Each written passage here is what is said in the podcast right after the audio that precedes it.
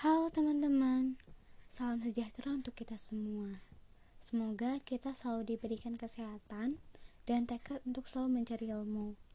Baik, pada hari ini saya akan berbincang tentang masalah dinamika serta tantangan Pancasila sebagai ideologi negara. Teman-teman sekalian, hal-hal yang sudah merasakan pandangan Pancasila sebagai ideologi negara perlu teman-teman ketahui bahwa Pancasila sebagai suatu ideologi dalam masa Soekarno sebagai salah satu perumus dasar negara Pancasila. Kalau teman-teman perhatikan, pada masa Soekarno pun terdapat tantangan bahwa ada ideologi menentang terhadap diwujudkannya Pancasila, yaitu adanya ideologi komunisme, yang di mana terdapat konsep Nasakom Hal ini sangat tidak mungkin karena komunisme merupakan suatu paham yang di mana individunya tidak berpegang atau mempercayai adanya Tuhan. Mereka mengedepankan pemikiran yang rasional dan logis. Sedangkan agama adalah suatu religi yang mempercayai adanya keberadaan Tuhan.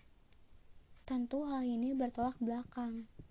Lalu, apabila kita menilai dari segi isi Pancasila, pada sila pertama berbunyi bahwa ketuhanan yang Maha Esa, yang berarti negara Indonesia merupakan negara yang berketuhanan dengan berbagai religi.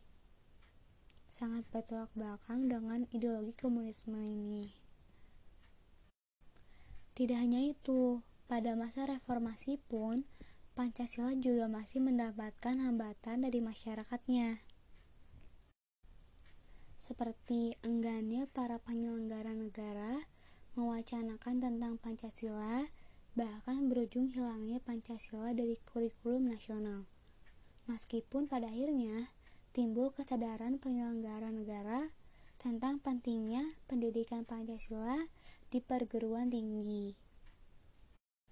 Teman-teman sekalian, setelah kita tahu bahwa Pancasila pun yang menjadi suatu keabsolutan dari dasar negara kita, masih ada penentangan dari rakyatnya sendiri.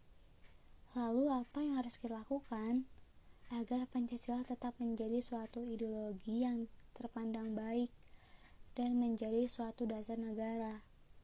Hal ini sama seperti yang sudah diterangkan sebelumnya, bahwa pengetahuan mengenai pendidikan Pancasila itu penting dipelajari dan dipahami sejak masa awal duduk di bangku ilmu.